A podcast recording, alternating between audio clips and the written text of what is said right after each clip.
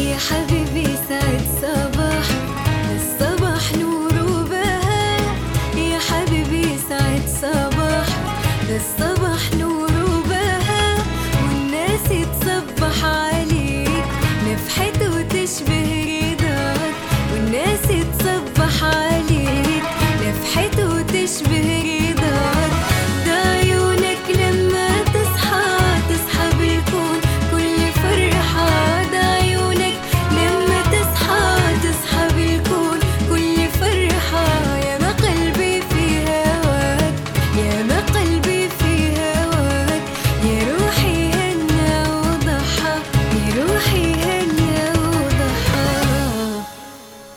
صباح الخير يا عدن.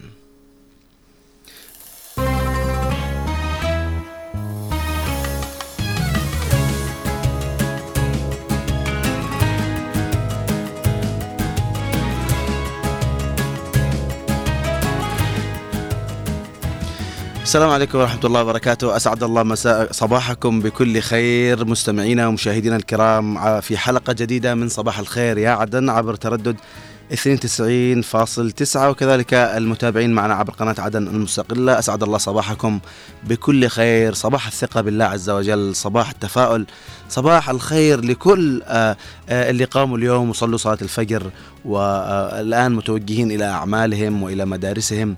صباح الخير آه، لكل ربة منزل تستمع لنا الآن وهي في المطبخ آه، تعمل آه، الإفطار. صباح الخير آه، لكل المستمعين معنا في السيارات. صباح الخير لكل آه، اللي قام آه، من النوم ومتجه الآن آه، إلى عمله وإلى دوامه آه، ليبدأ صفحة جديدة آه، في حياته آه، لهذا اليوم.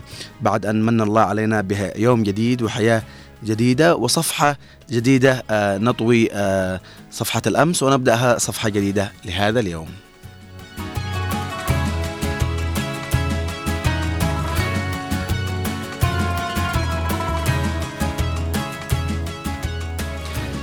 مستمعينا الكرام حياكم الله من جديد. لا أنسى أن أصبح على الزملاء معي في ال control من الإخراج والهندسة الصوتية الزميل نوار المدني ومن الإخراج التلفزيوني الزميل أحمد محفوظ وكذلك من قسم ال play-out الزميل محمد باوزير. صباح الخير عليكم زملائنا الأعزاء. وكذلك لا أنسى أن أصبح عليكم وبعث التحيات لكم من محدثكم أحمد المحضار. صباح جديد اليوم يوم اثنين يوم دائما آه، ينبثق فيه آه، تفاؤل الأمل.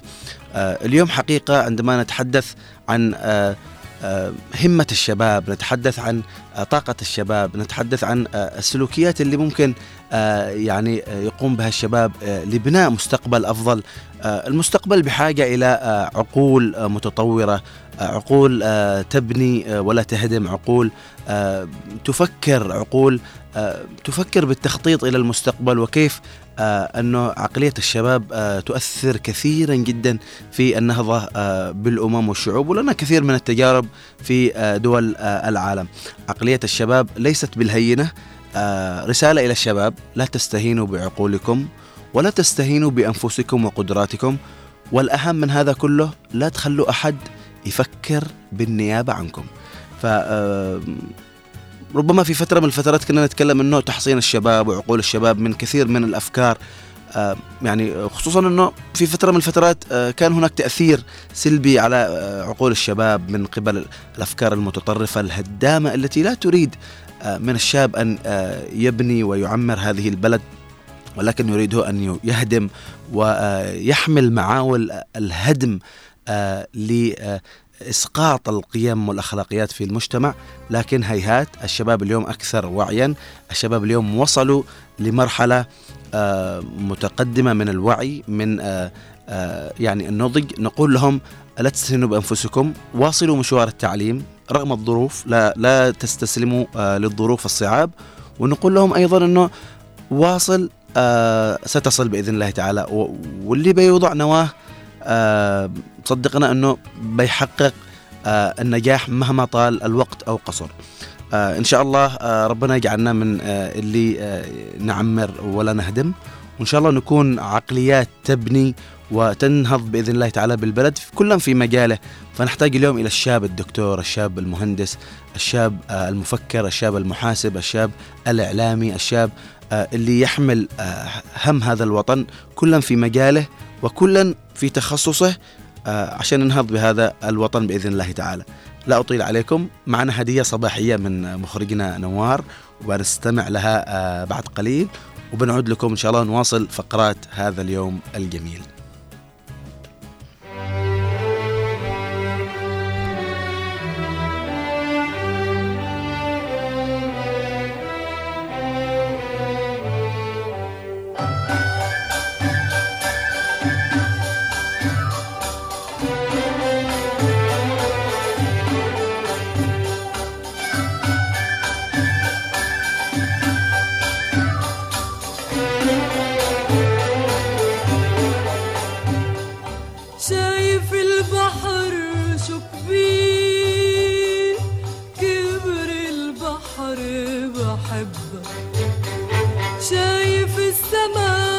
شو بعيدي بعد السما بحبك.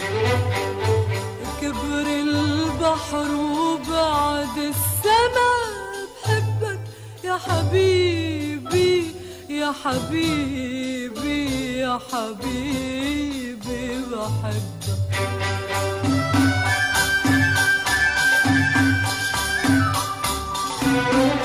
thank you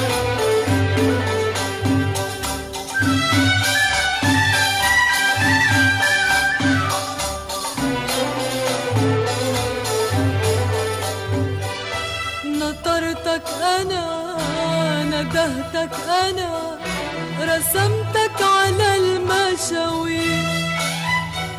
يا هم العمر يا دمع الزهر يا مواسم العصافير نطرتك أنا ندهتك أنا رسمتك على المشاوي. يا هم العمر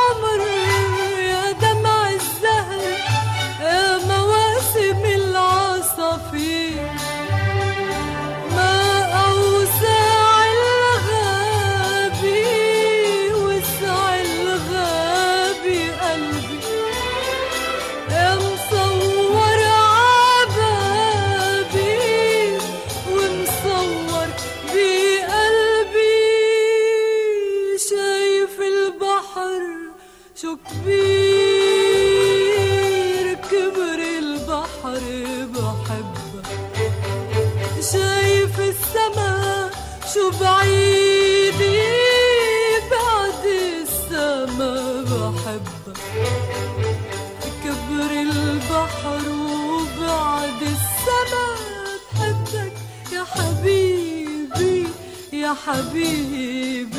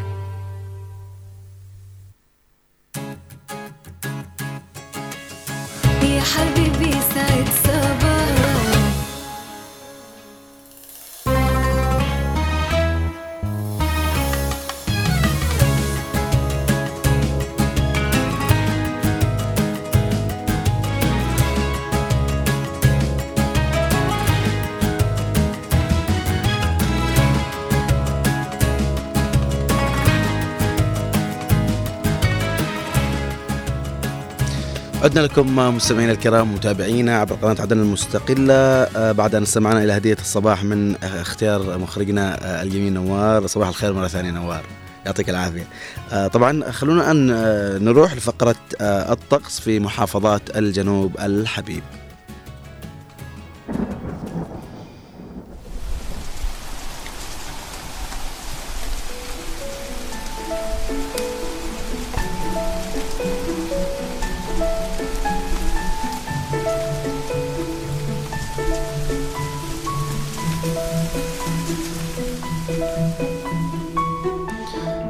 أهلا بكم مستمعينا الكرام في فقرة أخبار الطقس في محافظات آه، الجنوب ونبدأها من محافظة لحج حيث سيكون آه، آه، الطقس غالبا غائم ودرجة الحرارة بلغت 26 درجة مئوية في صباح هذا اليوم. أما ظهرا فسيكون غالبا غائم وتبلغ درجة الحرارة 31 درجة مئوية. وعصرا ستكون هنا غيوم متفرقة في محافظة لحج وتبلغ درجة الحرارة 31 درجة مئوية. أما مساء وليلا ستكون هنا غيوم متفرقة وتتراوح درجة الحرارة بين السابع والعشرين والخمس والعشرين درجة مئوية.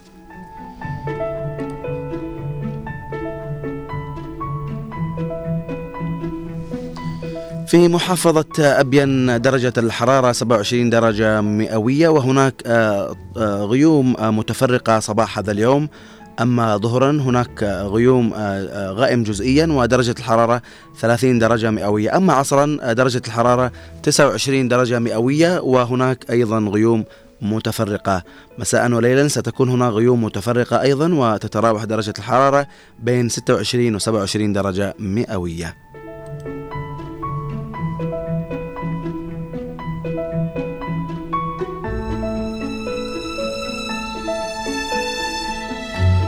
أما في محافظة آه، المهرة فالجو آه، أو الطقس صباحا غيوم متفرقة وتبلغ درجة الحرارة 24 درجة مئوية.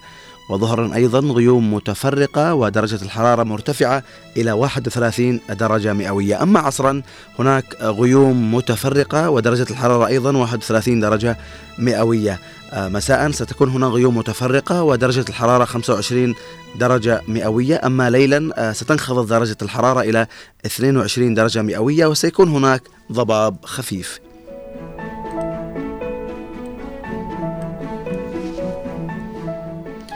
أما في يافع ستكون درجة الحرارة صباحا 20 درجة مئوية وستكون هنا غيوم متفرقة. وظهرا ستكون هناك أيضا غيوم متفرقة وترتفع درجة الحرارة إلى 25 درجة مئوية. وعصرا ستكون أيضا هنا غيوم متفرقة ودرجة الحرارة لا زالت 25 درجة مئوية. أما مساء هناك غيوم متفرقة وتنقص درجة الحرارة إلى 21 درجة مئوية. أما ليلا هناك ضباب خفيف في يافع وستكون درجة الحرارة 17 درجة مئوية.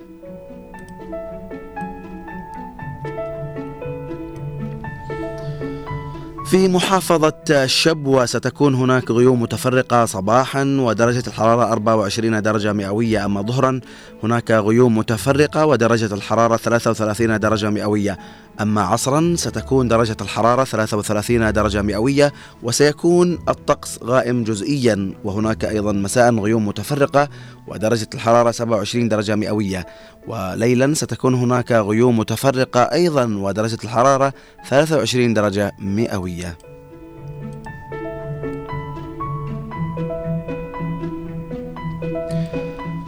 في ضالع الصمود ستكون آه، درجة الحرارة في محافظة الضالع 18 درجة مئوية وستكون هناك صباحا غيوم متفرقة. أما ظهرا هناك أيضا غيوم متفرقة وترتفع درجة الحرارة 24 درجة مئوية. أما عصرا هناك غيوم متفرقة ودرجة الحرارة 24 درجة مئوية. ومساء ستكون هناك غيوم متفرقة وليلا أيضا غيوم متفرقة وتتراوح درجة الحرارة مساء إلى 18 درجة مئوية وليلا 16 درجة مئوية.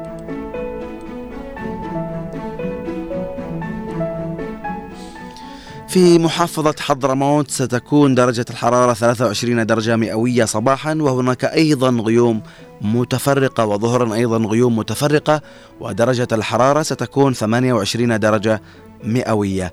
أما عصرا ستكون درجة الحرارة 27 درجة مئوية وسيكون الطقس غائم جزئيا. ومساء ستكون هناك أيضا غيوم متفرقة ودرجة الحرارة آه، تنخفض قليلا إلى 22 درجة مئوية وليلا غائم جزئيا وتنخفض أقل بقليل إلى 21 درجة مئوية.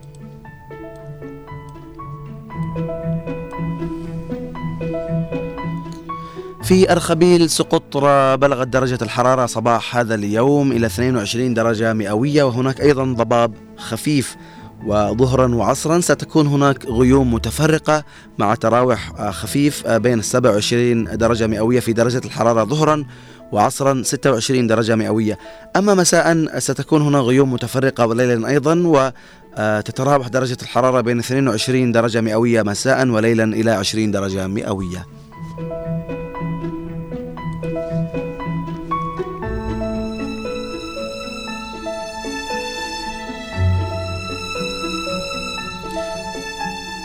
إلى العاصمة عدن ستكون آه، آه، هناك احتمالية آه، أمطار خفيفة وغالبا غائم الطقس وتبلغ درجة الحرارة 25 درجة مئوية.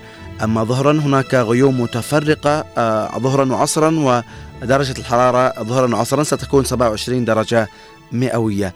أما مساء وليلا هناك غيوم متفرقة بين آه، يعني آه، مساء وليلا ستكون درجة الحرارة تتراوح بين آه، 26 و 25 درجة مئوية.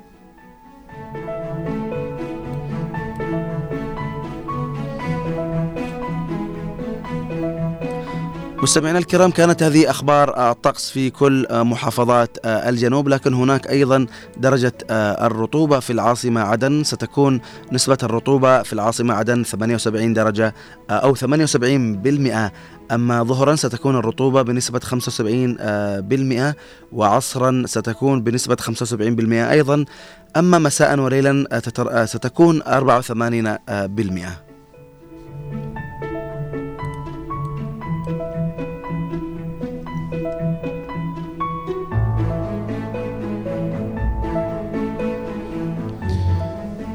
مستمعينا الكرام كانت هذه أخبار آه، الطقس في محافظات آه، الجنوب. ننتقل الآن بكم إلى آه، الفقرة الثانية لهذا اليوم وهي فقرة حدث في مثل هذا اليوم.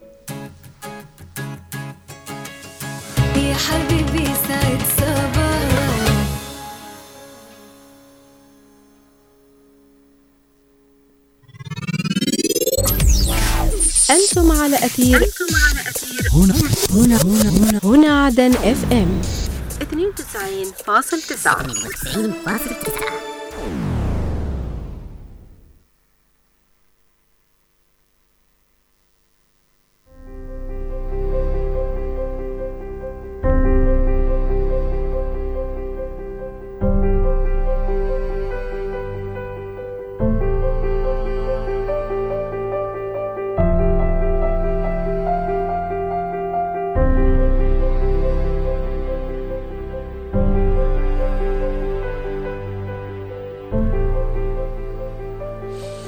أهلا بكم مستمعينا الكرام من جديد إلى فقرة في مثل هذا اليوم التاسع والعشرين من شهر يناير. آه، حيث حدث في مثل هذا اليوم في التاسع والعشرين من شهر يناير من العام 1834 الجيش الروسي ينسحب من رومانيا بعد خمس سنوات ونصف من الاحتلال وكانت رومانيا تتبع في تلك الفترة أو تتبع في تلك الفترة الدولة العثمانية لكن الروس احتلوها أثناء حربهم مع العثمانيين عام 1828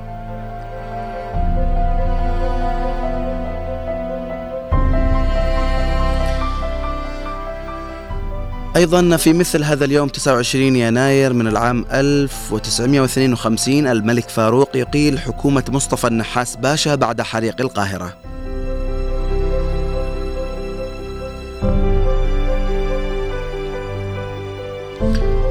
في مثل هذا اليوم عام 1963 أمير الكويت الشيخ عبد الله السالم الصباح يفتتح أول مجلس نواب كويتي منتخب باسم مجلس الأمة.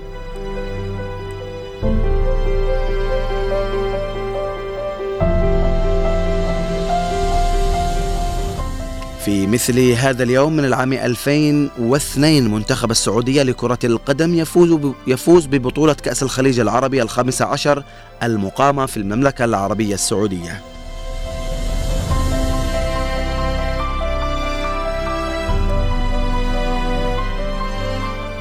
في مثل هذا اليوم من العام 2006 مجلس الأمة الكويتي يبايع بالإجماع الشيخ صباح الأحمد الجابر الصباح أميرا للكويت والشيخ صباح يؤدي اليمين الدستورية أمام المجلس.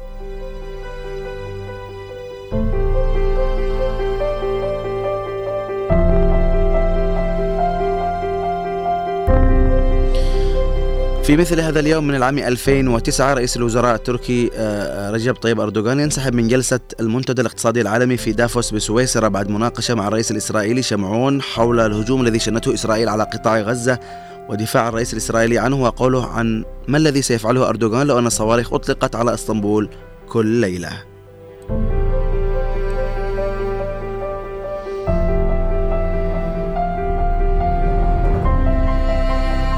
في مثل هذا اليوم من العام 2015 مقتل 32 جنديا ومدنيا مصريا في هجمات دامية في سيناء.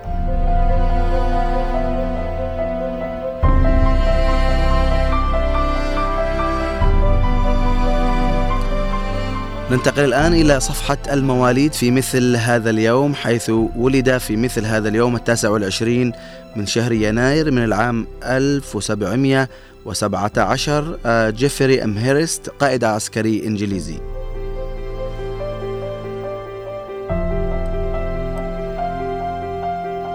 وفي مثل هذا اليوم من العام 1860 ولد أنطون تشيخوف روائي روسي.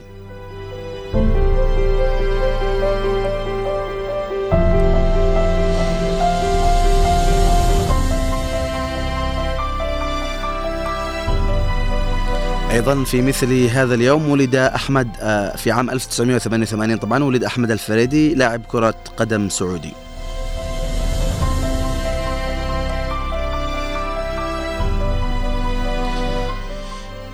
أيضا بعد أن تابعنا آه، الوفيات أو مواليد آه، في مثل هذا اليوم ننتقل الآن إلى صفحة الوفيات.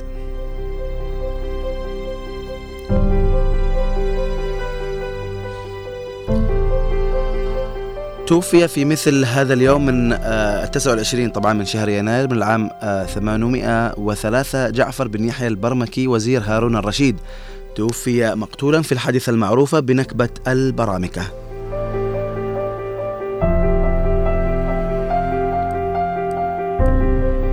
أيضا توفي في مثل هذا اليوم آه، في عام 1397 تاج الدين السنجاري فقيه حنفي ولغوي وأديب عراقي.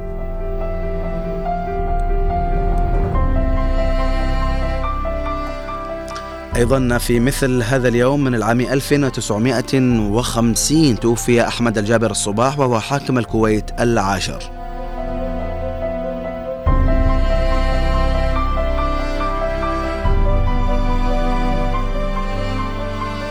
أيضا في مثل هذا اليوم في عام 1987 توفي إبراهيم عبد الرزاق وهو ممثل مصري.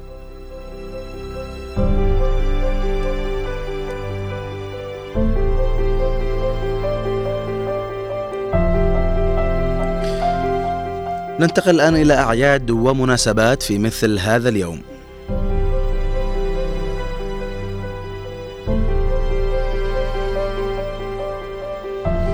في مثل هذا اليوم التاسع والعشرين من شهر يناير من كل عام هو يوم الدستور في جبل طارق وكذلك ذكرى تولي الأمير الحكم في دولة الكويت.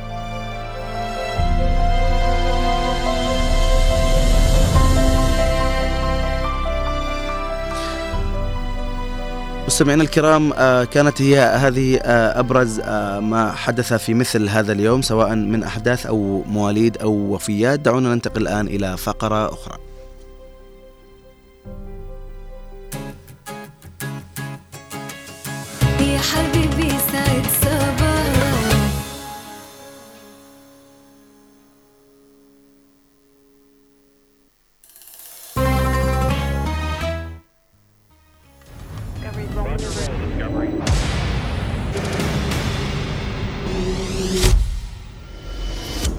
نقرا ما تتناوله الصحافة والمواقع الإخبارية المحلية والعربية من أخبار ومقالات سياسية واجتماعية وثقافية ورياضية. لا تتفرقوا على الشعب هذا ذليتوا لا تذلوا شعب عظيم. أني على هذا الوضع أنشق على ثلاثة إيتام ثلاثة إيتام. تعال. لا إمكانية معانا لا راتب زي ما الدولة لا أسعار. عبرت تنفيذية انتقال العاصمة عدن. عقدت هيئة المرأة شنت ميليشيا الحوثي الإرهابية قصفا عشوائيا. نهبط الآن سويا ضمن النشرة إلى الملف الرياضي. كنترول وكرة يا الله والهدف الأول! انفجار جماهيري نواكب فيها كل المستجدات وننقلها لكم في برنامج زاوية الصحافة. زاوية الصحافة من السبت للخميس الثاني عشر والنصف ظهرا. جولة إخبارية على هنا عدن إف إم.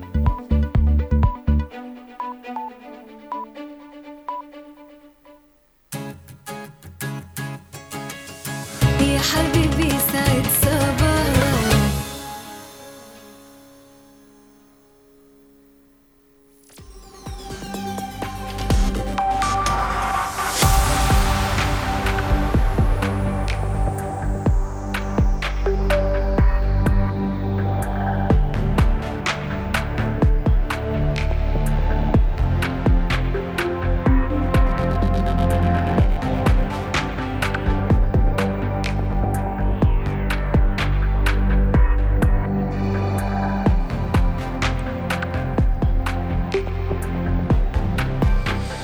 أهلا بكم مستمعينا ومتابعينا من جديد في فقرة حلوى الأخبار لهذا اليوم ونبداها من موقع المجلس الانتقالي الجنوبي.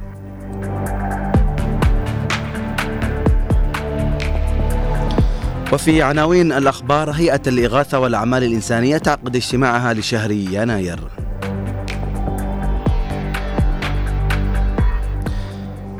هيئة التدريب والتأهيل تنظم دورة تدريبية بعنوان أساسيات الجرافيكس.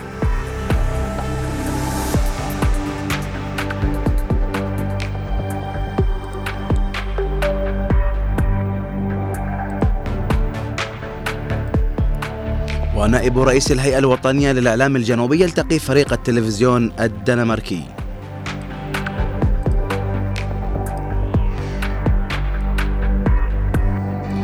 وهيئة التدريب والتأهيل تنظم ملتقى تدريبيا في المكلا عن دور الأسرة في الحد من الابتزاز الإلكتروني.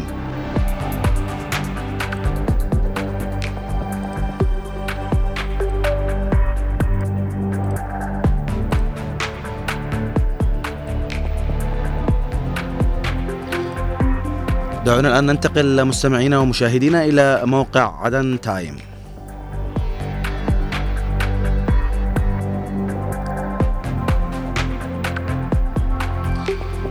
من عدن تايم افتتاح معرض عدن الأول للتقنيات والأجهزة الذكية.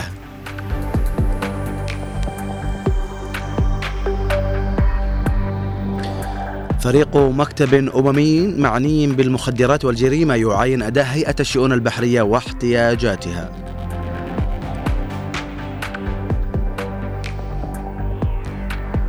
وأيضا من عدن تايم تدشين مشروع الصحة المدرسية في مديرية صيرة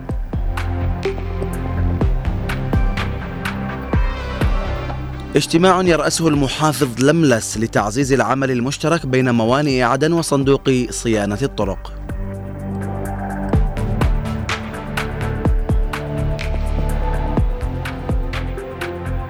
نائب مدير البنك الأهلي يشيد بتنوع وجود المعروضات في معرض البن بعدن. أيضا استمرار فعاليات المعرض الوطني الأول للبن لليوم الثاني بالعاصمة عدن.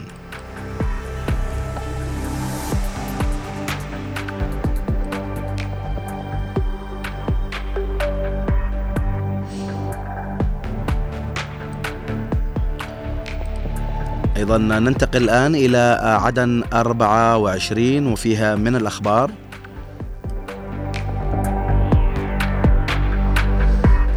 القيادة المحلية الانتقالية المسيلة تعقيد اجتماعها الفصلي الرابع للعام 2023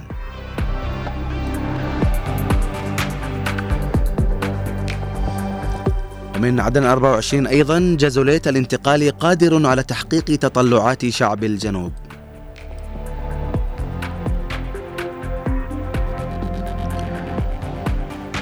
وكهرباء عدن توقف جميع محطات التوليد في يومين.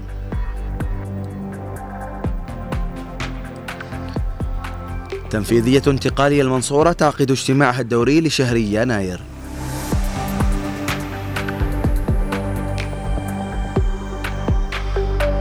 وأيضا من عدن 24 الجعدي قوى الإرهاب زرعت مفخخة بكل طريق في الجنوب.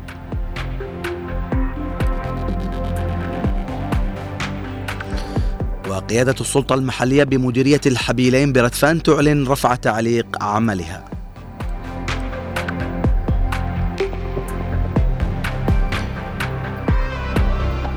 وتنفيذية انتقال حالمين تعقد اجتماعها الدوري لشهر يناير.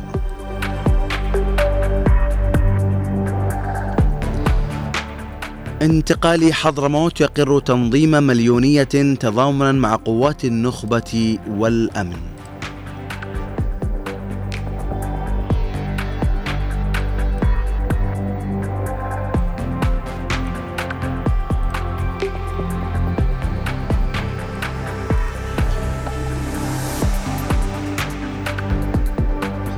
دعونا الآن ننتقل إلى آه، موقع درع الجنوب الموقع الرسمي بالقوات المسلحة الجنوبية.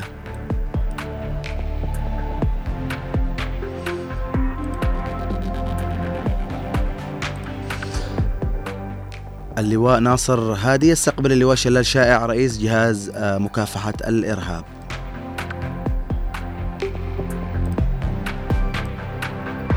ونقابة الصحفيين والإعلاميين الجنوبيين تقر الثامن عشر من شهر يناير يوما للصحافة والإعلام الجنوبي.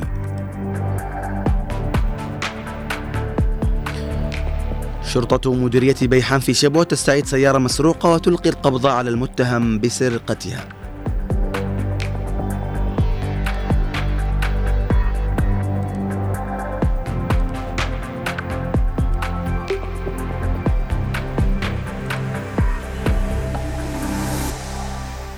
كانت هذه مستمعينا الكرام ومشاهدينا أبرز آه، حلو آه، أو أو أبرز الأخبار في فقرة حلو الأخبار لهذا اليوم. دعونا ننتقل الآن إلى فقرة آه، جديدة آه، ثم نعود لكم.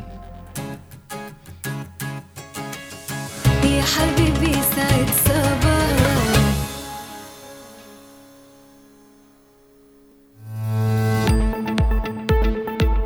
نتطلع لنيل ثقتكم.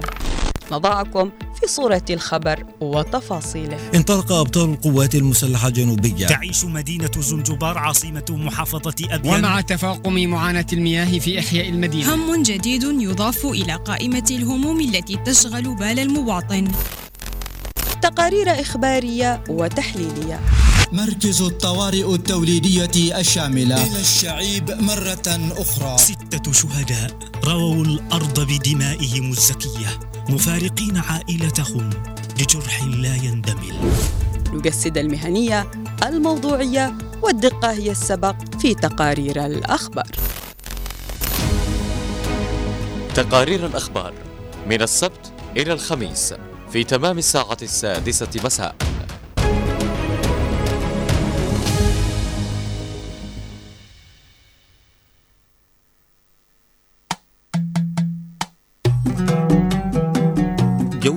عبر الأثير. فسحة أثيرية في ساعة من الزمن. نسافر بكم فيها عبر أثير إذاعة هنا عدن. جولة عبر الأثير. مساحة سياحية ثقافية واجتماعية. ما علينا يا حبيبي ما علينا وأعز الناس وأقربهم. يا باهي الجبين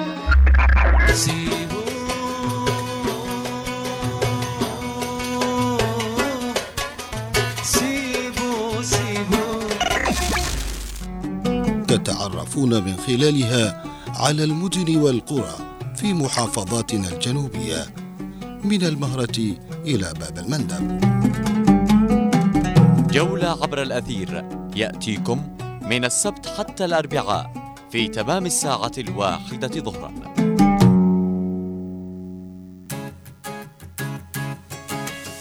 يا حبيبي سعد صباح.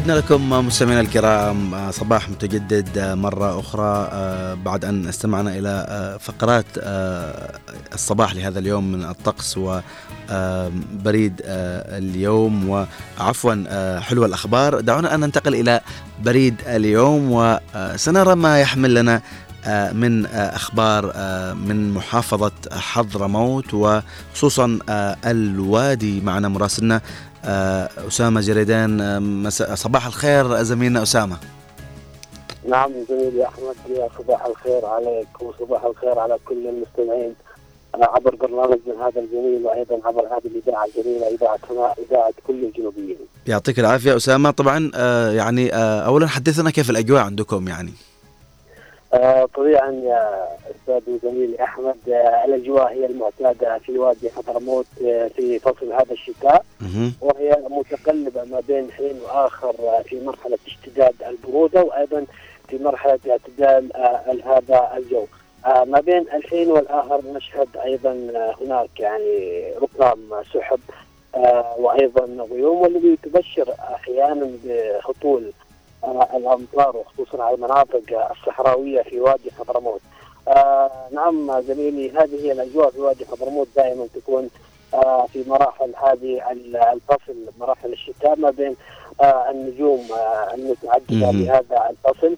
فتكون ما بين حين وآخر هناك يعني كثير اشتداد حدة البروده انخفاض درجة آه الحرارة والذي يحتم على أبناء وادي حضرموت آه في هذه المراحل يعني آه ممارسة آه طقوسهم وعاداتهم الشتوية الذي تجيء الإنسان من هذا البرد وخصوصا ما يتعرض له هذا البرد من أمراض نزلات البرد. أيضا التجلط الذي الآن يعني أصبح في وادي حضرموت بكثرة. ولكن نقول لدى أبناء وادي حضرموت الوعي الكافي من خلال من خلال يعني حده أو حده هذه البروده الشديدة. صحيح نسأل الله العافية والسلامة للجميع إن شاء الله. طيب اسامه إيش معك من أخبار لنا اليوم؟ دعنا في البداية نتذكر اذاعتنا اذاعه سيئون المحليه يا سلام التي هي تعتبر يعني الاذاعه الأولى على مستوى وادي حضرموت وهي تحتفل بيوبيلها الذهبي والذكرى الخمسين لتأسيس هذه الاذاعه طبعا 50 عاما من الريادة والعطاء في المجال الاذاعي بهذا الشعار هو اختتمت فعاليات الاحتفال. باليوبيل الذهبي والذكرى الخمسين لتأسيس لتأسيس هذه الاذاعه بحفل ختامي وتكريمي نظمته الإدارة إدارة الاذاعه وأيضا يأتي برعاية من المحافظ مبخوت بن ماضي محافظ محافظة حضرموت. طبعا الحفل الختامي هذا الذي يعني حضره الكثير من الشخصيات السياسية والاجتماعية وأيضا كوكبة من الصحفيين والإعلاميين في وادي حضرموت يعني شهد العديد من الفقرات الفنية والتراثية التي أبرزت ثقافه أبناء وادي حضرموت وأيضا العروض الذي تحاكي تطور هذه الإذاعة على من مروا عليها من الأجيال ومدى ارتباطها بالمستمعين بها. إلى جانب أيضا تكريم الرعيل الأول والمؤسس لهذه الاذاعه والعاملين فيها بالإضافة إلى من يعني كانوا سابقا قد اشتغلوا في الإذاعة وتوفاهم الله. آه يعني كان لهم آه، باع صيت كبير جدا في تأسيس هذه الإذاعة إذاعة سيون المحلية، طبعا هذه الفعاليات التي اختتمت اليوم كانت من سابقا وعلى مدى ثلاثة أشهر آه متتالية يتم تدشين مؤتمر هذه الفعاليات وكانت الاحتفال الفعاليات مليئة جدا وشهدتها مديريه سيون يعني فعاليات ثقافية وتراثية وعلمية وأخرى أيضا آه رياضية نفذتها هذه الإدارة. بالإضافة أنه هذه الإذاعة يعني خلال آه، آه، 50 العام وخلال مرور 50 عاما يعني حظيت هذه الإذاعة باشادات واسعة على مستوى وادي حضرموت بما تتضمن هذه ال- الإذاعة من محطة يعني آه، من خارطة برامجية هادفه تعمل على رفع على نسبة المعرفة والثقافه آه، بين أوساط المجتمع وأيضا يعني آه، برز العادات والثقافات التي تحملها آه، آه، آه، يعني آه، مديريات وادي. حضرموت. آه، بالأمس كان عرسها واحتفلت آه، احتفال بهير جدا يعني آه، لاق بهذه الإذاعة وبمكانتها الإذاعة في سيون. يا سلام كل ونوجه التهنئة لكل آه، الزملاء منتسبي هذه الإذاعة العريقة وإن شاء الله آه، يعني آه، نتمنى لهم آه، مزيد من التقدم والازدهار و آه، نسأل الله الرحمة لمن آه، توفي من آه، القامات والهامات الكبيرة طيب آه، هل باقي معك أخبار زميلنا ومراسلنا؟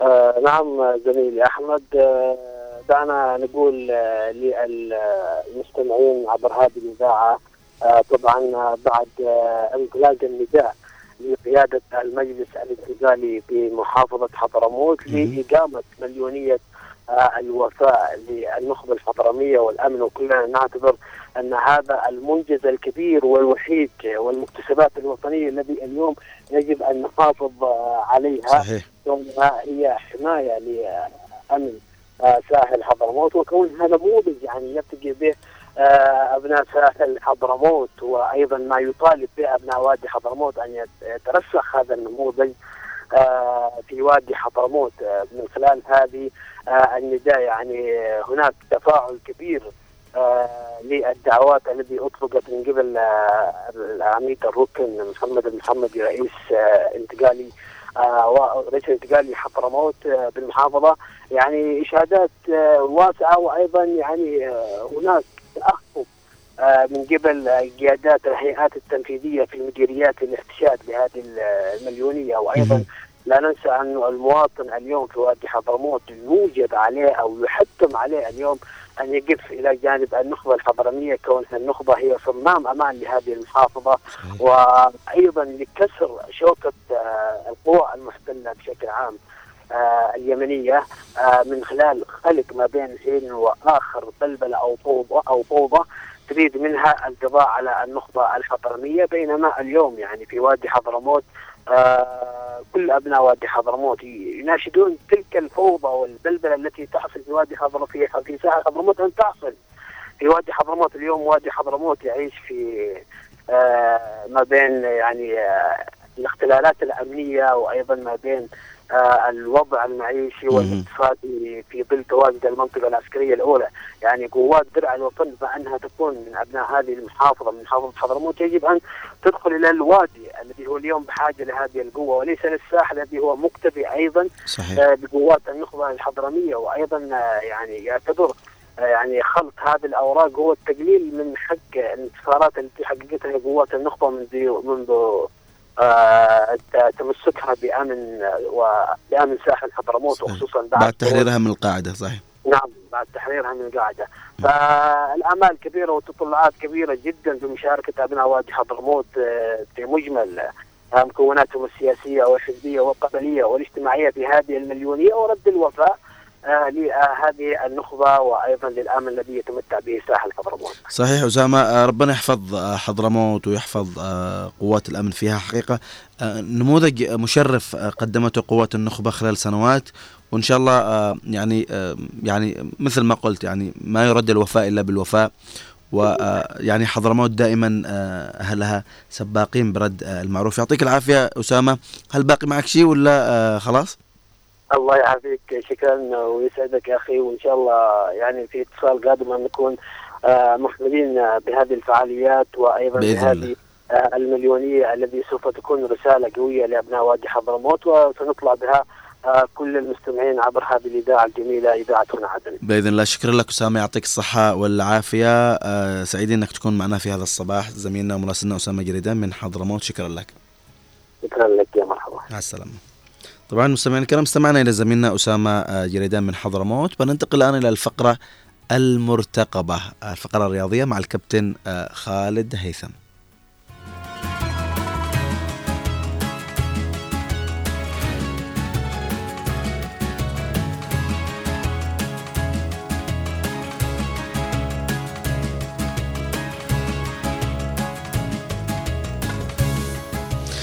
عدنا لكم مستمعينا الكرام بعد أن استمعنا إلى بريد اليوم مع زميلنا أسامة جريدان. دعونا أن نستقبل الكابتن خالد هيثم في الفقرة المرتقبة الرياضية. صباح الخير كابتن.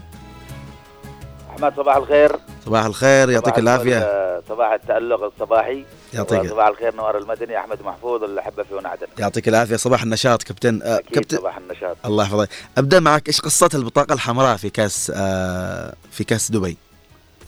أكيد يا أحمد هذه المناسبات هي جمع عربي جميل الألوان والأندية الجميلة دائما آه، حاضرة وبالتالي أمس آه، في بطولة آه، هكذا تسمى كاس دبي للتحدي فريقين كبيرين طبعا الأهلي السعودي وأيضا الزمالك المصري كانا طرفي مباراة جميلة أكيد قدم فيها الفريقين أداء جميل لكن مثل ما قلت ال- البطاقة الحمراء كانت من نصيب لاعب الأهلي السعودي علي مقرشي طبعا آه، وبالتالي آه، كرة القدم أحيانا القدم أحيانا فيها حماس شوية يعني آه، نسق المباراة وما شابه كبرياء الفريق والأندية وبالتالي أمس الزمالك تفوق بثلاثة أهداف نظيفة على الأهلي وتوج أيضا آه، بكأس تحدي دبي أو دبي للتحدي. أهداف طبعا الزمالك سجلت من خلال شيكابالا أيضا آه، أوباما وأيضا اللاعب الشاب آه، عمار ياسر. انتهى المشهد وتوج الزمالك وفي الأخير آه، ختمنا آه، مشهد آه، لكرة القدم من بوابة العربية طبعا. طيب آه، كابتن يعني آه، المتابعة الحقيقة لل- للأخبار آه، آه، ركلات الترجيح آه، مع طاجستان في آه، ربع نهائي كأس آسيا آه، ضربة نعم. حظ طاجكستان أحمد لأول مرة تأتي إلى بطولة كأس آسيا لأول. مرة أيضا تصعد إلى ال- ال- ال- الدور ثمن النهائي ولأول مرة أيضا أمس تحقق الإنجاز وتذهب إلى ربع النهائي لكن الحقيقة أنه الأمر المؤسف انه الأمر جاء على حساب المنتخب الإماراتي ال- الذي كان تميز في الدور الأول لكن في الأخير معطيات المباريات دائما تحتاج إلى استيعاب رؤية داخل الملعب بمعنى أنه الإماراتيين عجزوا عن حجز بمعنى حسم المباراة في الأوقات ال- الرسمية للمباراة فذهبوا إلى ال- ركلات الترجيح ترجيح.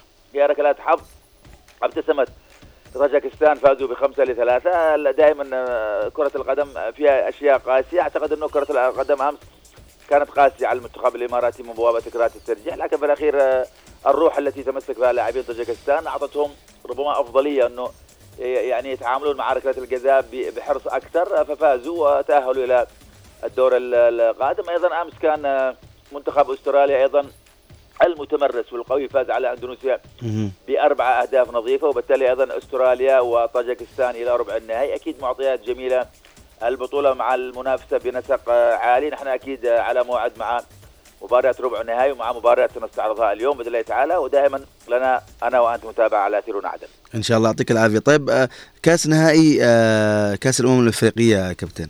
آه، مثل ما نتحدث عن خروج الإمارات من كأس آسيا نتحدث أيضا أمس عن مغادرة المنتخب المصري حقيقة الذي اعتدناه دائما يلعب أدوار في الأدوار النهائية أما بالتتويج أو بالوصول للنهائي وما شابه لكن أمس الكونغو الديمقراطية لا نقول حققت مفاجأة لكن لأنه المنتخب المصري ليس في الوضعية التي ربما أنتظرها البعض يعاني آه، بالكاد تأهل بثلاث نقاط من الدور الأول وبالتالي ربما كثير من الناس توقعوا أن يغادر المنتخب المصري في هذا الدور وهذا ما تحقق أمس آه، مباراة كانت انتهت بهدف لهدف لكن ركلات جزاء ماراثونية هكذا انتهت بتسعة لثمانية لصالح الفريق ال- طبعا منتخب الكونغو الديمقراطية وبالتالي مصر تغادر تلتحق بتونس تلتحق بالجزائر الذي الذين كانا غادرا في مشهد آه، من الدور الأول وبالتالي صعد هذا المنتخب إلى الدور القادم. أيضا أيضا أمس كان اللاعب محمد بايو آه، قاد منتخب غينيا أيضا إلى ربع نهائي البطولة آه، بعد أن فاز أيضا على المنتخب الآخر أيضا غينيا الاستوائية بهدف وبالتالي آه،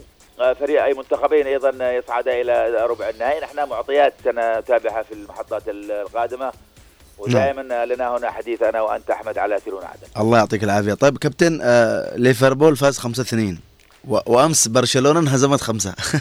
إيش قصة الخمسة ذي الأيام؟ اجمل ما في آه، بر... طبعا ليفربول أحمد إنه آه، كان البعض يتخوف إنه محمد صلاح بالقيمة التي يمثلها طبعا في آه، كتيبة كلوب. هناك كان حذر أنه قد يتأثر لكن حقيقة ليفربول في الدوري يحقق الانتصارات. أيضا أمس في كأس الاتحاد الإنجليزي صعد إلى الدور القادم بالفوز بخمسة لإثنين على فريق آه، نوريتش سيتي. آه، ليفربول آه، يبدو أنه كلوب لديه قدرة على تحريك الأدوات واللعب بالبديل وال بمعنى الحلول التي تكون بديلة عندما يغيب نجم هنا وهناك. وبالتالي ليفربول يتأهل بفوز. أيضا أمس مانشستر يونايتد فاز على أيضا فريق نيوبورت كاونتي أيضا بأربع أهداف لهدفين وبالتالي بحسب قرعة البطولة أجريت أمس سيكون مباراة الدور القادم ولفرهامبتون مع برايتون.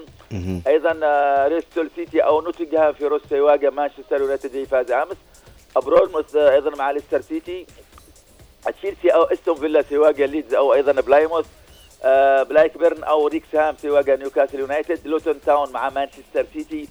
ليفربول الذي فاز أمس سيواجه إما واتفورد أو ساوثهامبتون وأخيرا آه أيضا شيفيلد وينزداي أو كوفنتري سيواجه ميدستون يونايتد. اذا نحن نتحدث عن آه أكيد آه مباريات منتظرة. نحن أيضا لن نغيب عن المشهد سنتابعها من خلال اثيرنا عدن نعم آه لو نستعرض كابتن نتائج الدوري الإيطالي والإسباني.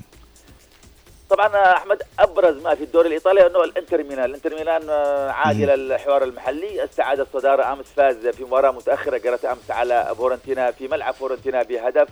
خطف ثلاث نقاط واستعاد الصدارة على حساب اليوفنتوس الذي كان تعثر بالتعادل.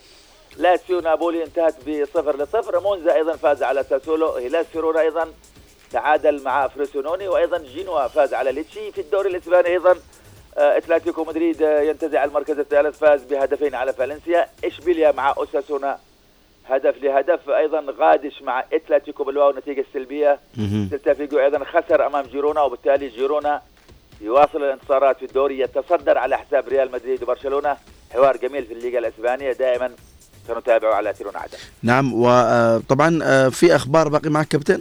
نعم آه، باريس سان جيرمان أمس آه، تعثر طبعا أحمد بالتعادل أمام بريس بالتعادل في ملعب طبعا باريس في حديقة الأمراء بهدفين وبالتالي يفرط في نقطتين لكن ما زال يتصدر بفارق ست نقاط 44 نقطة طبعا في الصدارة. أيضا من الأخبار الجميلة أحمد إنه أمس شاهدنا مباراة في نهايه أو ختام بطولة أستراليا المفتوحة في لعبة التنس الأرضي. مباراة يعني آه، تجبرك أن تبقى أمام الشاشة دون أن تغير طبعا ال remote control. باعتبار ان المباراة شهدت خمس مجموعات. أول في البداية تفوق طبعا آه، اللاعب آه، ميدفيديف وتقدم بمجموعتين 6 3 6 3 الكل ظن إنه ميدفيديف أمام يعني فرصة كبيرة لانتزاع لقب جراند سلام أستراليا المفتوحة. لكن الإيطالي أيضا الشاب يانيك آه، سينر قلب المعطيات تفوق على نفسه تحدى أيضا نفسه. قلب المعطيات وكسب ثلاث مجموعات على التوالي 6 ل 4 و6 ل 4 و6 ل 3 المباراة كلها كانت في غضون ما يقارب أربع ساعات إلا ربع. توج هذا الإيطالي الجميل يانيك سينر الذي يقدم هوية أيضا بطل في كل شأن آه، لكن تابعنا المباراة أحمد بجماليات لعبة التنس عندما تحبس الأنفاس في بعض المحطات لحسم الشوط لحسم النقطة. كنا مستمتعين. الرياضة جميلة ولعبة التنس أيضا أجمل وبالتالي نحن نبارك ليانيك هذا الإيطالي السينر الجميل الذي آه، حقق بطولة جراند سلام في انطلاق. طبعا آه، بطولات كان هذا الجميل أيضا. الإيطالي يانيك سينر أقصى أفضل لاعب في العالم اللي هو جوكوفيتش عندما اقصاه من مباريات نصف النهائي. وبالتالي نتحدث عن بطولة جميلة قدمت مشهد جميل كما عودنا طبعا بطولة آه، تنس الميدان في كل بطولات الجراند سلام. صحيح كابتن. اليوم في جدول مباريات تقريبا بتكون هناك عدد من المباريات في موسم الرياض وكأس آسيا تقريبا نعم. وكأس أفريقيا. نعم. لو تطلعنا نعم. عليها. نعم أحمد اليوم ميسي هكذا الكل يترقب ميسي الذي يتواجد في العاصمة السعودية الرياض. وهناك طبعا مباريات عدة سيخوضها هذا الفريق. هناك آه، يعني في السعودية مهرجان خاص. آه، يعني الأموال بتلعب دور أحمد وبالتالي ربما هي مساحة ترغيب ل أو جذب لليونيل ميسي ليكون في الدوري السعودي في الفترات القادمة. اليوم في التاسعة سنتابع الهلال مع إنتر ميامي. في كأس آسيا لدينا مباراتين أيضا آه، عربيتين هكذا. أربع منتخبات عربية ستواجه بعض.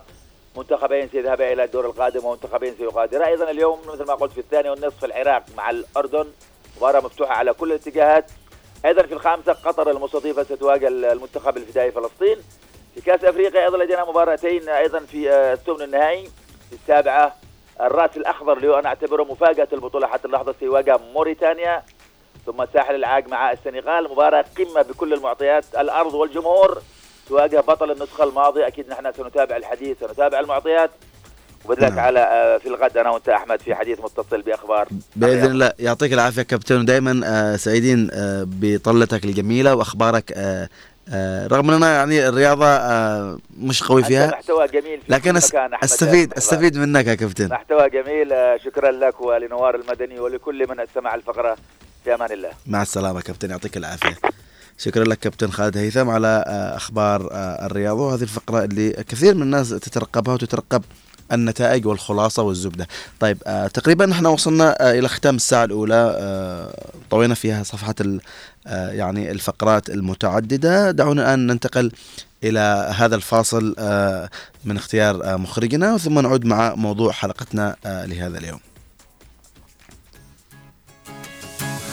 حبيبي سعد صباح.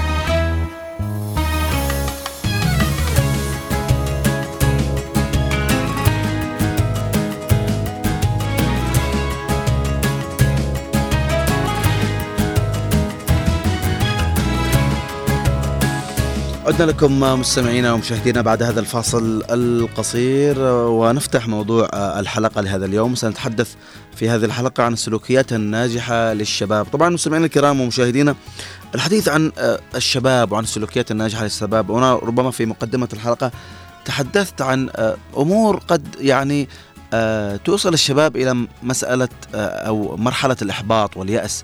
خصوصا مع الوضع اللي نعيشه اليوم. أو ربما قناعات إنه يا ريتنا مثلا هاجرت إلى غربة يا ريتنا اغتربت يا ريتنا مش عارف إيش. فنقول إنه مهما حصل لا تستسلم للظروف. اصنع واقعك و اليوم يجب أن نتغلب على الصعوبات اللي تواجهنا مهما حصل لأنه لا يأس مع الأمل. واليوم عندما نتحدث عن هذا الموضوع نتحدث عن كثير صراحة من التجارب اللي نعرفها وعايشناها في واقعنا. ووصلت حقيقة في شخصيات وصلت للقمة بإصرارها وتحديها وفي شخصيات استسلمت للظروف و ويعني وصلت لمرحلة من الإحباط واليأس.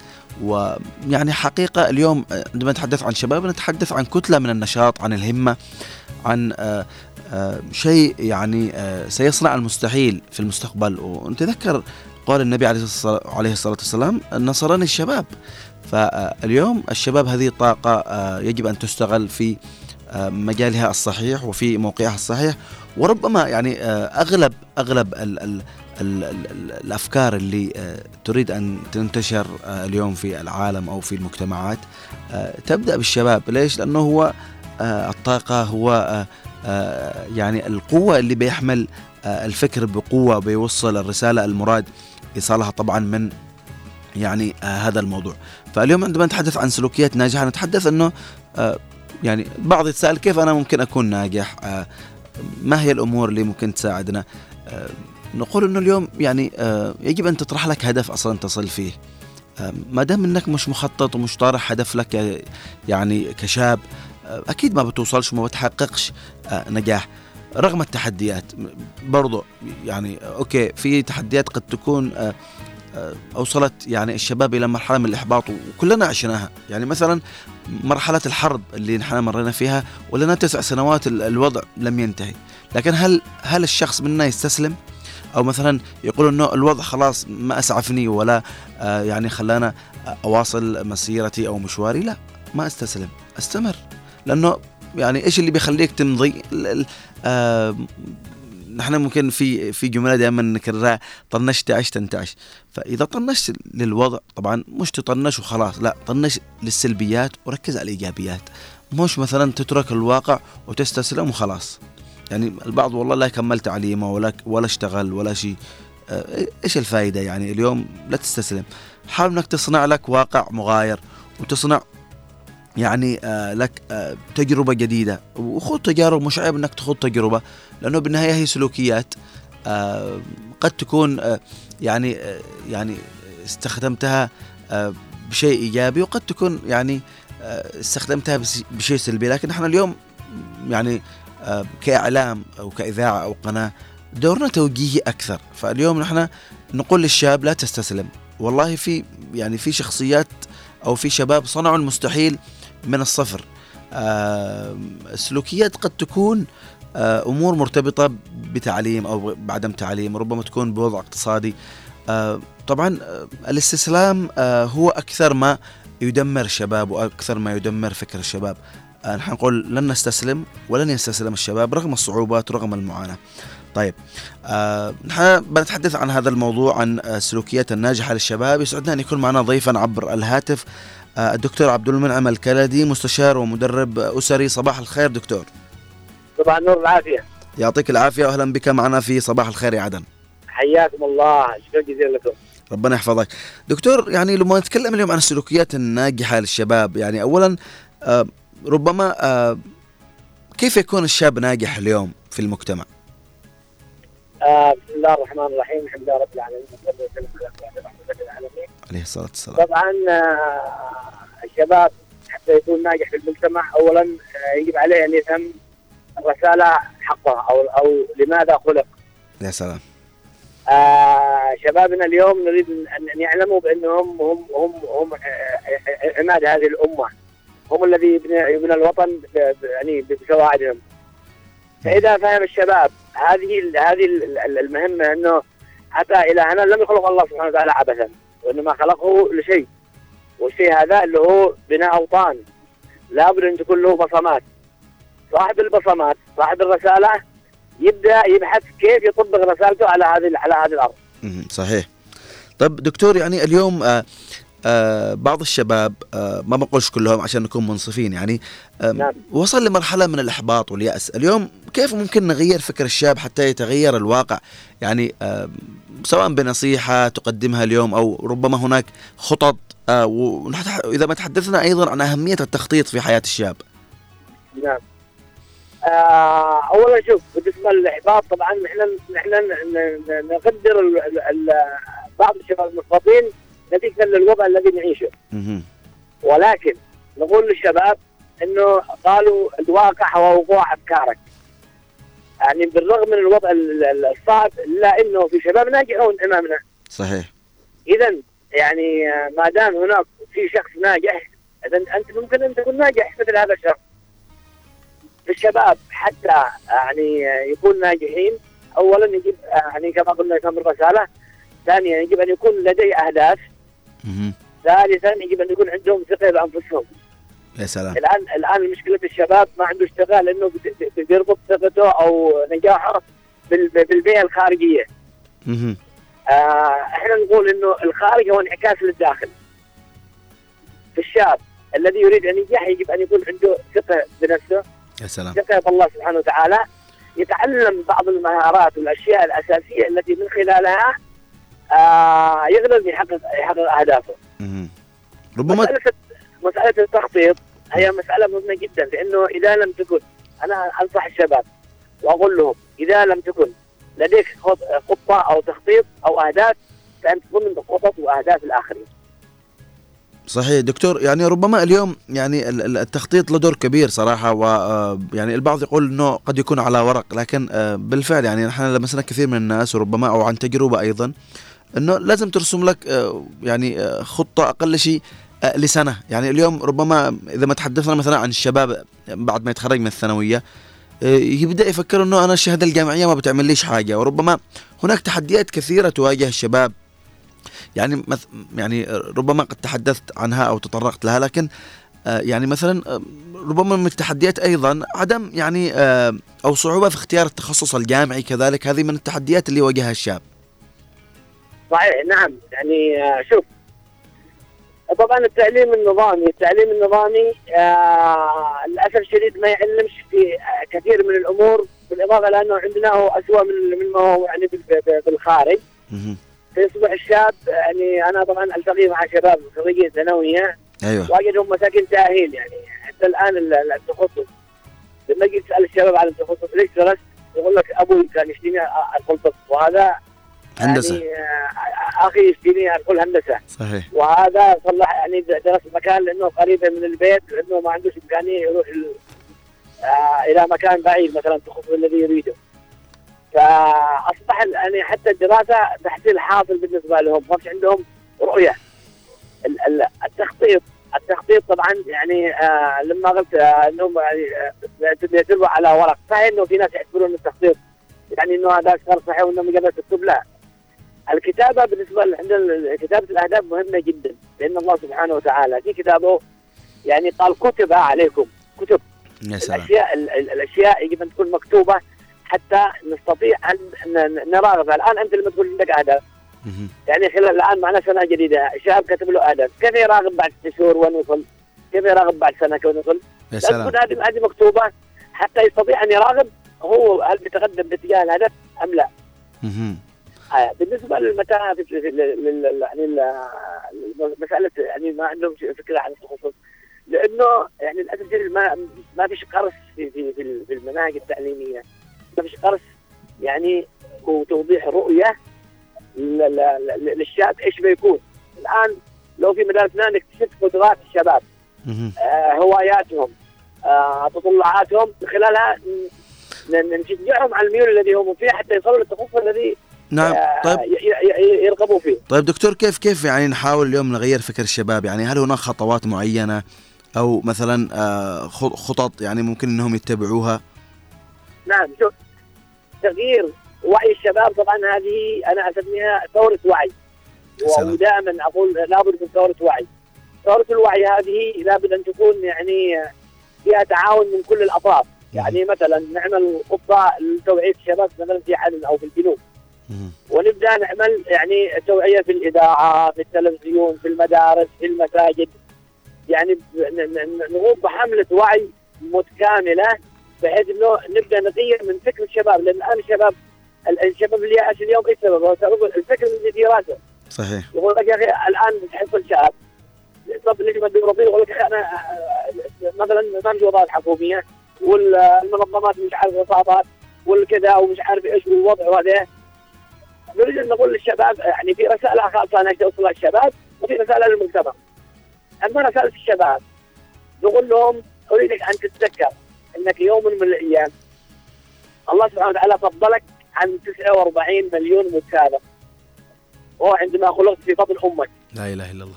فالذي خ... فالذي ميزك عن هذه الحيوانات كلها واختارك أنت تأكد إنه لم يتخلى عنك وأنت الآن على وجه الأرض. وأنت في أمس الحاجة إليه. يجب أن تكون عندك ثقة بأن الله سبحانه وتعالى لا يمكن يتخلى عنك. يجب أن تثق بالله سبحانه وتعالى وتثق بنفسك وتهيئ نفسك. يعني الآن أنا أنصح الشباب تعلم اللغة الإنجليزية تعلم الكمبيوتر. يعني آه لابد أن تكون لديه يعني حرفة أو صنعة بحيث إنه يقدر ان ان يعني ان, أن يكون شيء في الواقع وانه يقدر يبني نفسه نعم دكتور تخلق له تخلق له اكتفاء ذاتي يعني في مهن آه مثلا يعني دورات حق سباكة كهرباء. والله تخ... أيوة. تعطيه اكتفاء ذاتي. أيوه ضروري ضروري تحترف أي شيء. طبعا شوف الشباب يعني أنا اللي يجوني الشباب يقول لك أنا مش داري آه، إيش الرغبات اللي عندي أو الهوايات أيوة. أقول للشباب أنت لابد أن تكتشف أول شيء هوايتك حتى تمارسها الهواية أنت كيف تكتشفها ما هو أكثر شيء تحبه؟ هو أكثر شيء تحبه؟ عندما تمارسه. شوف أنت كلنا واحد يحب الرسم. واحد يستمتع الشيء الذي تستمتع عندما تمارسه هذا هو الهواية الذي من خلالها سيكون رزقك. فحاول إنك تنميها. بالإضافة إلى الأمور التي زي ما قلت اللغة الإنجليزية والكمبيوتر يعني آه، يواكب بها العصر ويتحصل على وظائف محترمة أو أو إشغال حرة. طبعا أنا أشجع الأشغال الحرة أكثر من الوظيفة لأنه الوظيفة اليوم يعني أكثر الموظفين يعانون بسبب الوظيفة. الر- الر- الرواتب. لا أيوه. اليوم الوقت بعد شهرين ثلاثة أشهر. فالذي هو مش موظف عنده حرفه اصبح أفضل من الموظف. نعم ونتذكر دائما من لا يأكل من فأسه لا ينطق من طيب نعم، صحيح. طيب دكتور يعني كيف نجعل الشباب اليوم يخرجوا من دائرة اليأس والإحباط إلى دائرة التفاؤل والأمل؟ يعني لابد أن يغيروا أول شيء أفكارهم. يا سلام. لأن الآن قلت لك أنا الواقع هو موضوع أفكارك. لذلك يعني في كتاب اسمه وانصح كل الشباب وكل من يسمعني يقراه سوف تراه عندما تؤمن به. شو يا دكتور عفوا لو تعيد الاسم؟ سوف تراه عندما تؤمن به. سوف تراها يعني ممكن ارسله لك أنا بعدين يعني في ال في ال تمام يعطيك أنت الان الآن أنت بترى إمامك الأشياء التي أنت مؤمن فيها مش الأشياء التي هي يعني واقعة. أها. لأنك الآن الشاب هذا اللي هو يائس تخيل انت واحد يخرج من البيت يبحث عن شغلة وهو يائس يعني إيش إيش بيحصل؟ صحيح. فيحصل قدامه الدنيا كلها مقفلة. مهم.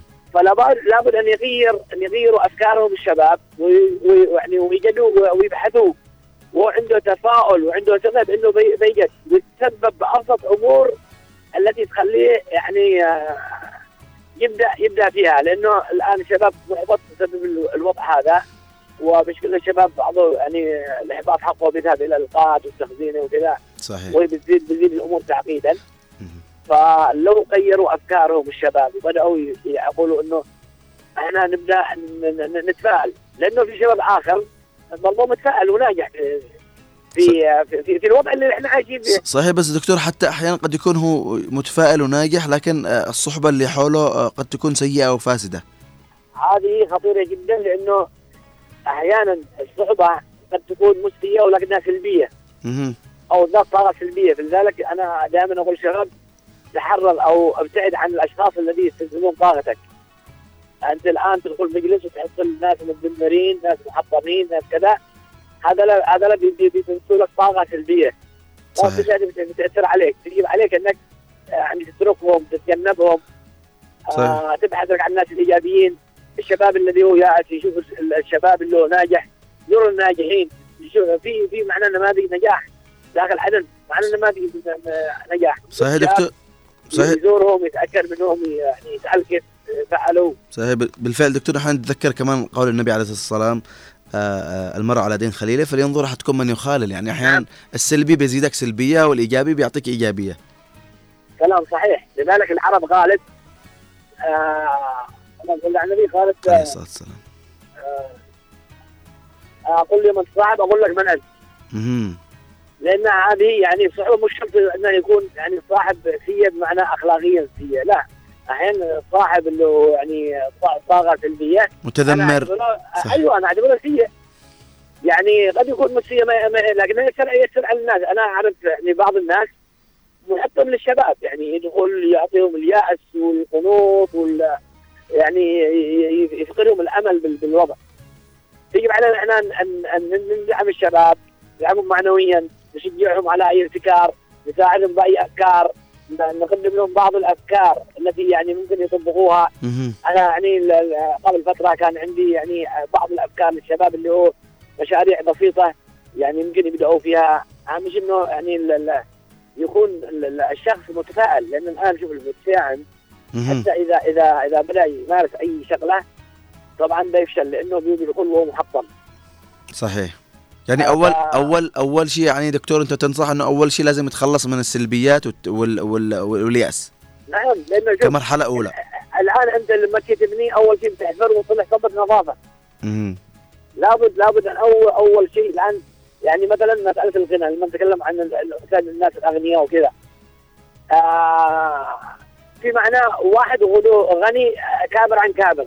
أيوه. هذا ما ما نتعايش معه كثير من أجل يكون غني. لكن هذا الذي هو في بيئة فقيرة مثلا.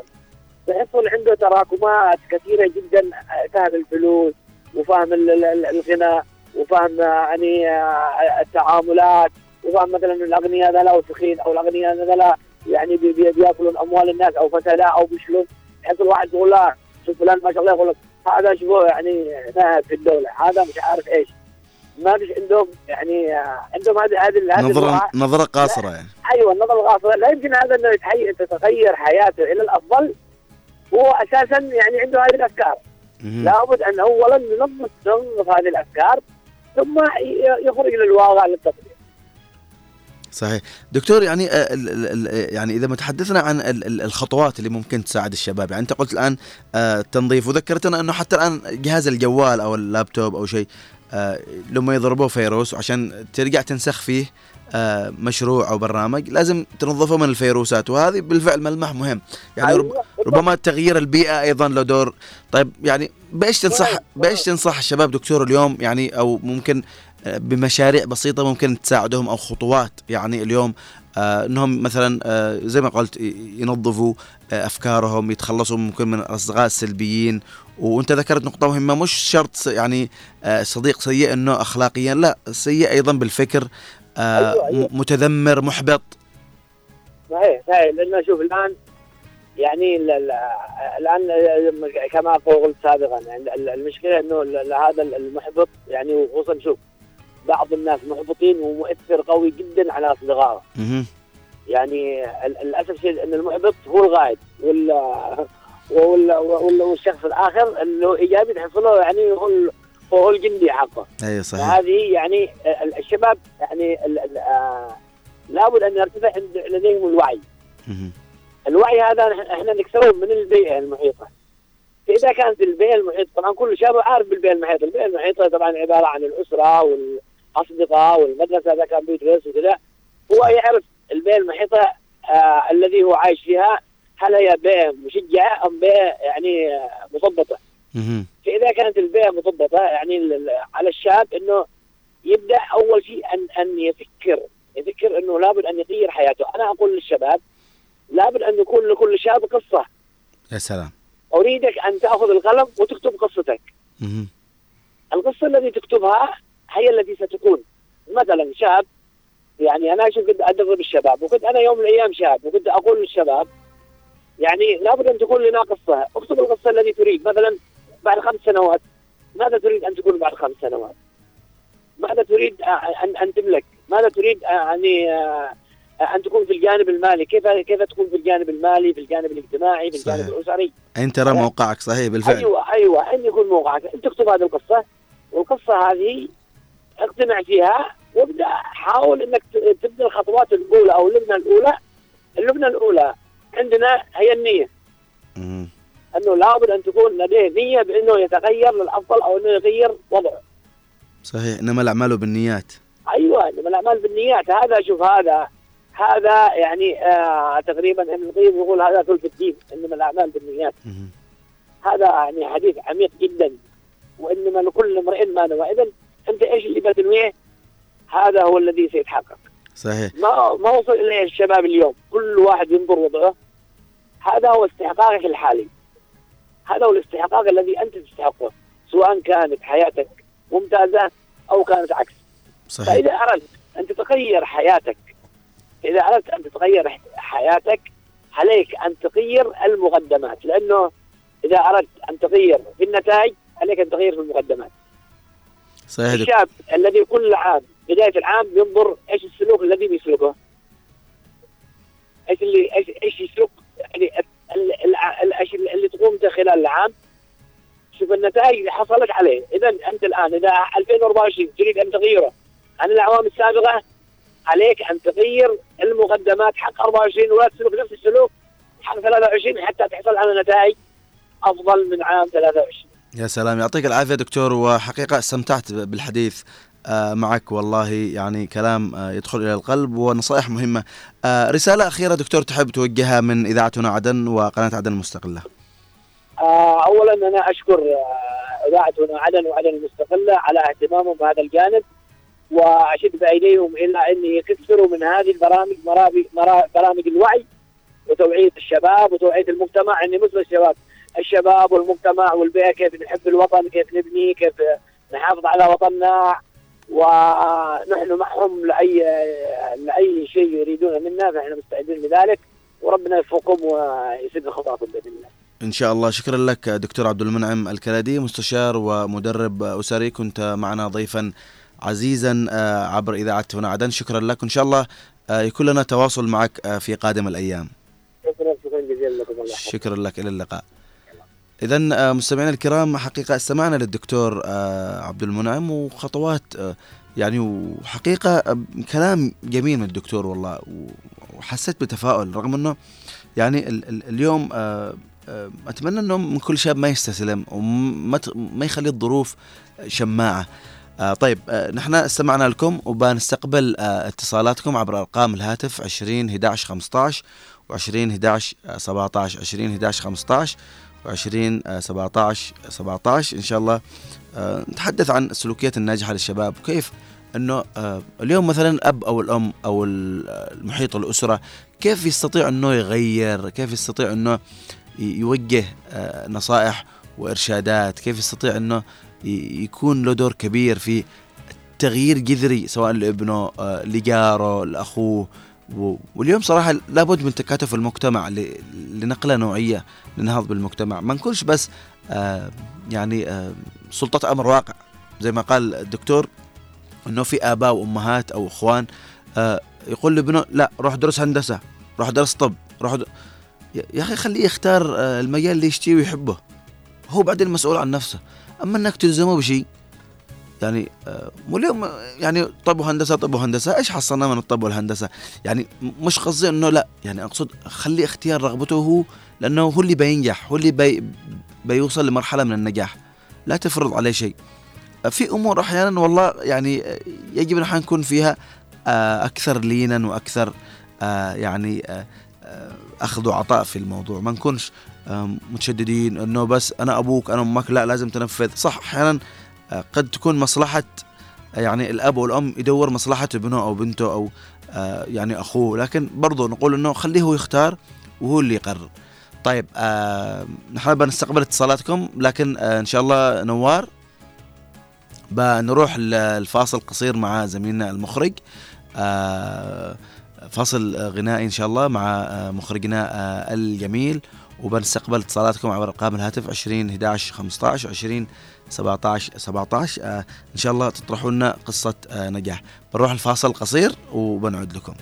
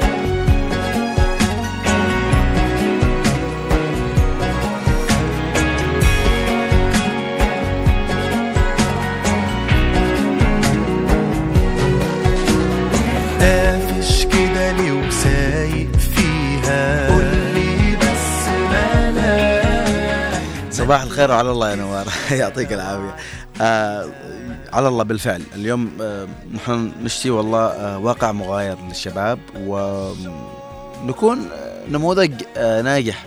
شباب الجنوب يكون والله في كثير من الشباب وقصص النجاح.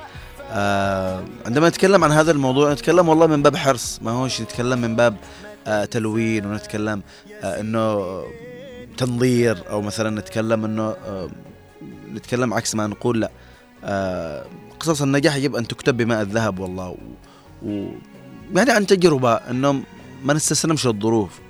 يعني إذا خلينا الظروف شماعة وخلينا الظروف آه إنه هي آه اللي آه تأثر علينا تتعبنا بنتعب. لكن إحنا نقول إنه اليوم آه نخلي آه آه توكلنا بالله وآمنا بالله كبير آه وهو نصب أعيننا.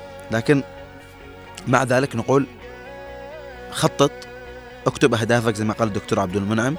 الأمل كبير بالله عز وجل.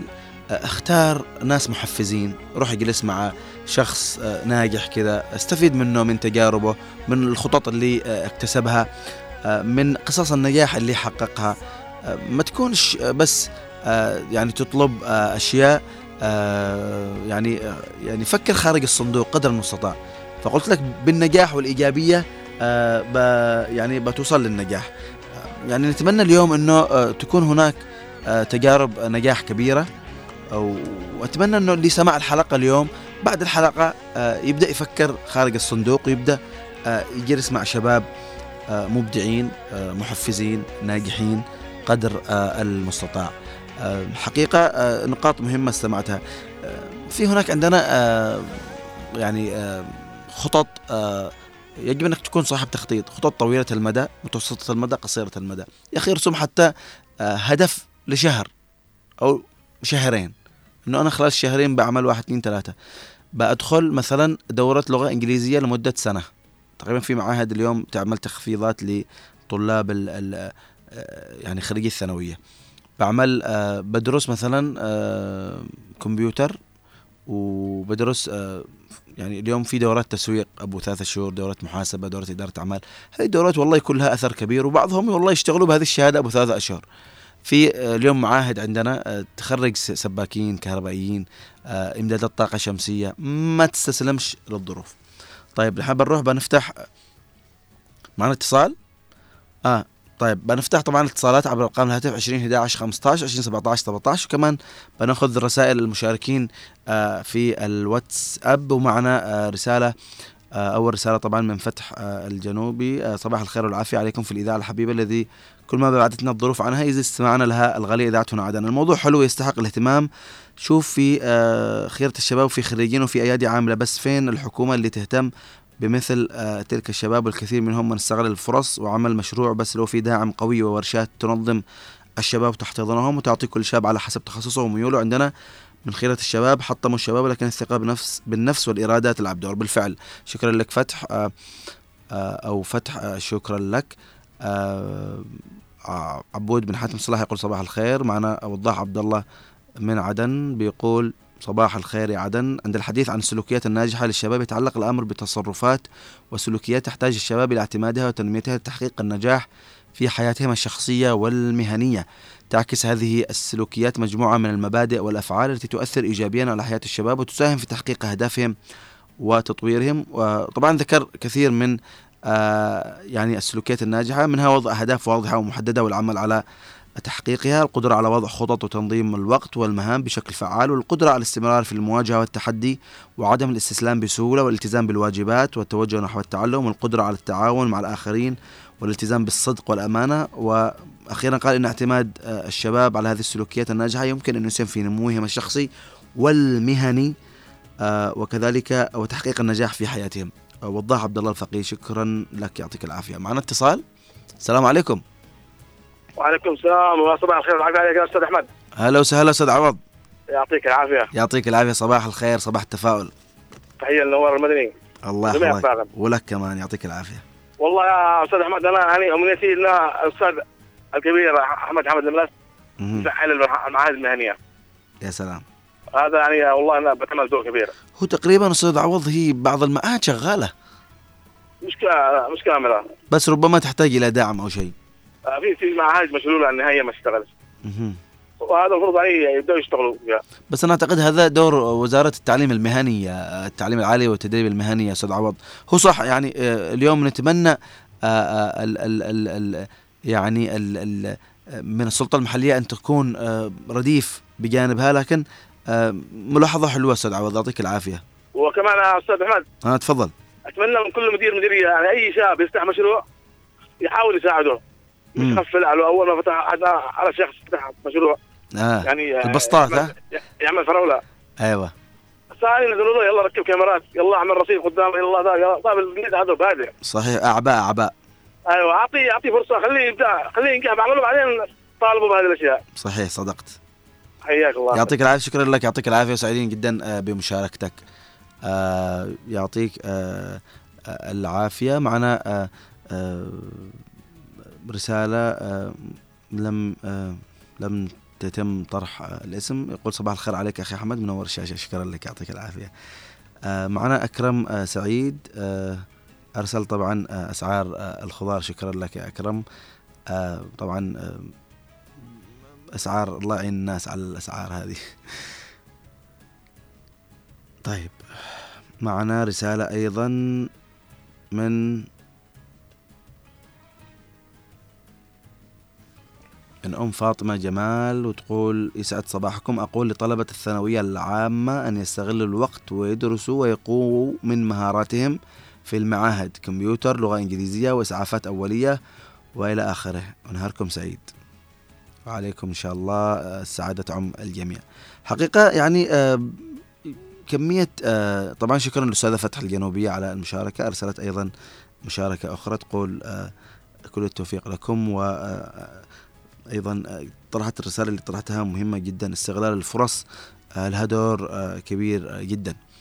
حقيقة اليوم نشي يعني بنعود إن شاء الله للرسائل. نشي من الشباب اليوم انهم ما يستسلموا للظروف لأنه والله أكبر شيء مدمر الاستسلام للظروف لا تخلي الظروف شماعة والله العظيم لا تخلي الظروف شماعة لأنك بتوصل لمرحلة من الإحباط وربما يعني آه، بشكل عام عشان ما نخرج عن الموضوع. إحنا اليوم عن سلوكيات نجاح وإنه كيف نوصل للنجاح لكن في كانت يعني سلوكيات آه، أو تذمر اوصل الناس إلى كثير من- الشباب وص- وصلوا إلى مرحلة الانتحار. يعني تخيل إنه واحد معه أبناء معه بنات معه زوجة ينتحر بسبب الظروف. يعني طبعا ما نقول حاجة يعني عليه رحمة الله والله وأي شخص يعني أوصل أو نفسه إلى هذا الشيء لكن لا تلقوا بأيديكم إلى التهلكة ولازم قدر المستطاع أنك آه، تغير من واقعك ما تستسلمش للظروف. طيب أيضا معنا آه، رسالة من أم أحمد آه، صباح الخير الاهتمام بأولادنا منذ الصغر وخاصة اللغة الإنجليزية. أهم شيء اللغة الإنجليزية والله. آه ماريا تقول آه صباح الخير آه تقول كنت أشتي أتصل بكم بس في الطريق إلى الكلية كل التوفيق لكم وموضوع جميل. شكرا لك يعطيك آه، العافية. حقيقه آه، آه، اليوم الحديث عن السلوكيات الناجحة آه، أكيد لكل واحد ابن بنت شخص عزيز استسلم يعني لا تستسلم عفوا للظروف. لا تخلي الظروف شماعة. لا تخلي الوضع الاقتصادي لا تخلي يعني ال- الوضع المادي أيضا يكون بالفعل. يعني أنا أحيانا البعض يقول لك أنا ما أقدرش أدرس. بالفعل. يا جماعة في دورات بين فترة وأخرى بين فترة وأخرى تنزل دورات مجانية مدفوعه التكاليف. هذه فرصة. روح أكتب لك كم شهادة. لكن أقل شيء لا تخلي مثلا آه، إنه البعض بعبي سي في فقط. بعبي آه، السيرة الذاتية حقي. لا. عبي السي في والسيرة الذاتية حقك لكن مع ذلك استفيد تجربة جديدة. خوض غمار التجربة. ما ما تستسلم. آه في دورة لغة إنجليزية مجانية روح درس. في دورة كمبيوتر روح درس. في دورة سباكة روح درس. يا شيخ حتى لو ما اشتغلت في السباكة بتنفع نفسك في البيت. بدل ما تجيب سباك يشيل عليك؟ عشرة ألف مثلا يعني كأقل تقدير في شغل البيت. بتنفع أنت نفسك في البيت. آه البعض والله يعني درس أنا أعرف واحد درس كهرباء مش عشان يشتغل عشان ينفع يعني آه آه، نفسه في البيت. يقول لك أنا الحين اجلس ادور كهربائي بيمطمطنا في المواعيد بي يروح يشتري مثلا plug كهرباء أو شيء يركبه بنفسه. مروحه تتعطل يفكها يعني يحاول قدر المستطاع إذا ما صلحها يوديها بعدين عند مهندس يخلق له تجربة يخلق له فرصة. آه، نفس القصة قلت لكم آه، السباكة الكهرباء. آه، الآن يعني اشتهرت مؤخرا رغم الوضع اللي نعيشه والكهرباء اللي طبعا وما أدراك ما الكهرباء. كثير من الناس اتجهوا لإنشاءات الط- الطاقة الشمسية إمدادات الطاقة الشمسية. آه، فيها شغل كثير. وفي كثير على الشباب أعرفهم والله درسوا دورات والآن ما شاء الله أصبحوا يعني آه، ما فيش فراغ معهم. الصباح والعصر والظهر والليل وهم يعني ما شاء الله شغل كهرباء سواء أو إمدادات طاقة شمسية آه كمان آه نحتاج الدكتور عبد المنعم ذكر آه كلمة حلوة نحتاج اليوم ثورة وعي. ثورة الوعي هذه في آه يعني في هذا الوقت مطلوبة جدا. آه نتمنى حقيقة منابر إعلامية منابر المساجد الدعاة آه المؤثرين السوشيال ميديا المساجد آه آه، المدارس آه كلنا أدوار تكميلية. يعني اليوم نكمل بعض. آه يجب أن نطرح خطة خطة عمل لإيصال الرسالة لإيصال آه يعني صوت آه آه الشباب إلى آه، المسؤولين صناع القرار أنه مهما عملتوا نحن ما استسلمناش آه للظروف. أيضا الدكتور عبد المنعم ذكر نقطة آه مهمة آه اللي هي عندما كان يتكلم عن التخطيط وربما البعض يعني جالس مع شاب صاحبه قد يكون مش سيء الخلق وإنما سيء الفكر ما عندوش تخطيط يعني عنده مسألة يعني مثلا تذمر يا أخي جلس لك بندرس الحين فين بنروح؟ ما فيش إشغال. آه، أحيانا هذا يكون خطير عليك كصديق. مش خطير إنه بيفسد أخلاقك لا. بيدمر عليك مستقبلك بيدمر عليك آه القادم من آه حياتك. يعني قل لي من تصاحب أقول لك من أنت. ذكر الدكتور أيضا يعني هذه الكلمة. والنبي عليه الصلاة والسلام يقول المرء على دين خليله فلينظر أحدكم من يخالل.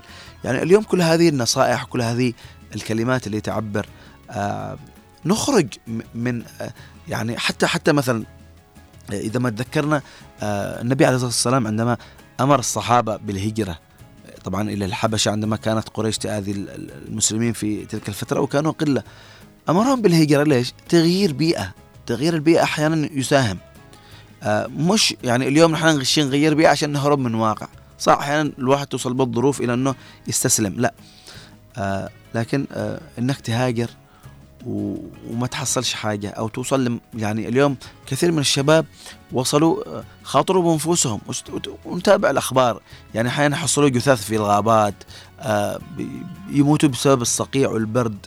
آه، يعني برضو أنت الآن يعني خرجت من بيئة قد تكون كنت فيها آمن معافى ولله الحمد رغم الظروف اللي تعيشها. رحت وعرضت نفسك للخطر ضرب نار آه، يعني آه، برد آه، والشتاء وغيرها. فنقول اليوم إنه نحن نحتاج إلى آه، ثورة وعي في هذا الموضوع. والتحديات والله كثيرة وكثيرة. حتى لو كنت معك وظيفة حتى لو كنت معك فلوس معك سيارة معك بيت التحديات كثيرة جدا. آه، آه، الواقع صعب يحتاج إلى تخطيط يحتاج إلى آه، ذكاء يحتاج إلى سرعة بديهة. نحتاج اليوم آه، الخروج من دائرة اليأس والإحباط إلى دائرة التفاؤل والأمل. نحتاج اليوم أنه آه، ننتقل بفكرنا إلى فكر آه، أجمل وأفضل. نحتاج إلى نقلة نوعية في آه، جانب آه، آه، آه، الناجحة آه، لنكون أنجح من من النجاح. خلاص وصلت آه، أنك كملت الثانوية درس لغة إنجليزية. درست لغة إنجليزية أدخل دروس جامعة. درست بكالوريوس جامعة إذا في دراسات عليا ماجستير أدرس ماجستير. يعني إذا جت لك فرصة إنك آه مش بس فكر كيف بغترب بروح بدرس بجمع فلوس بروح بهاجر البعض يعني يفكر اليوم كيف يف- يهاجر يحصل جنسية من أي دولة أوروبية. لا. يعني okay ما نقول حاجة. بالنهاية هذه رؤيتك وتخطيطك. لكن آه إذا ما نجحت في بلدك وكان النجاح في بلدك هو آه هدفك ما بتنجحش في بلاد الآخرين. لأنه اللي ما بيقدمش حاجة لنفسه في بلده وبيقدم حاجة لبلده والله ما يقدم حاجة برا. بتروح أعمى وبترجع أعمى. فنقول إنه اليوم الوعي يبدأ من هنا نقطة التغيير تبدأ من ذاتك. ما تستس... ما تستسلم آه نخلق النجاح. ونحن أصلا أكثر من نخلق آه النجاح. في رسالة من أبو مجد يقول يسعد صباحكم بكل خير. آه، تعلم اللغة الإنجليزية مهم للأطفال ويمكن لهذه القدرة أن تفتح العديد من آه، فرص التعليم والعمل والنمو الشخصي. بالإضافة إلى ذلك فإن أهمية اللغة الإنجليزية تكمن في كونها لغة الأعمال والتكنولوجيا. صحيح. لذا فإن إتقان اللغة الإنجليزية يمكن أن يمنح شخص ميزة تنافسية في مجال باختصار يمكن للقدرة على التحدث باللغة الإنجليزية أن تفيد بشكل كبير آفاق الشخص المستقبلية. آه عوض العبيدي يعطيك العافية. يقول عودة حميدة للأستاذة فتح الجنوبية. يعطيك العافية أيضا آه، أستاذ عوض وسعيدين جدا بمشاركتكم جميعا. نقول أنه آه، لا للظروف آه، لا للاستسلام نعم للأمل نعم للتفاؤل نعم آه، لنقلة نوعية في يعني مجال السلوكيات الناجحة والانتقال من نجاح إلى نجاح. طبعا ما حد بينتقل من نجاح إلى نجاح إلا بعد أن يثبت مداميك وأهداف قد رسمها مسبقا. النجاح ما يجيش وليد لحظة والفرص إذا ما تستغل تروح عليك فرص كثيرة. تقريبا وصلنا للختام وحقيقة الموضوع مهم جدا وأنا أشكر الدكتور عبد المنعم آه، الكلدي مستشار ومدرب أسري اللي كان معنا اليوم وطرح نقاط مهمة كثيرة أنا استفدت منها كثيرا وأتمنى أن الشباب وحتى أولياء الأمور أنهم استفادوا منها. آه، لا تضغطوش على أبنائكم. خلوهم يختاروا التخصص اللي يشتوه. آه، أوكي راقبوهم في أمورهم من يصاحبوا. لا تضغطوش عليهم في أمور أخرى. اختيار التخصص خلوهم يختاروا. شجعوهم على الدراسة في اللغة. آه أيضا الأصدقاء آه لا تكون شريك في تدمير آه صاحبك. لا تكون أناني. خليك صاحب روح طيبة وروح رياضية زي ما يقولوا. طيب وصلنا للختام. أنا سعيد جدا إني أكون آه أيضا اليوم معكم في صباح الخير يا عدن. رفقة الزميل نوار المدني من الإخراج والهندسة الصوتية ومن الإخراج التلفزيوني أحمد محفوظ. ومن قسم ال play آه، صباحا كان معنا محمد بوزير والآن الزميل حسن آه، سقاف كل الشكر والتقدير لكم وأيضا الزملاء في ال control والمكتبة الزميل محمد آه، خليل وزميل صالح أيضا وكل آه، الزملاء الآخرين اللي آه، يعني ما أشوفهم ولكن موجودين في الإذاعة. تقبلوا تحياتنا جميعا صباح مليء بالأمل والسلوكيات الناجحة. دمتم مدام الوطن بألف خير.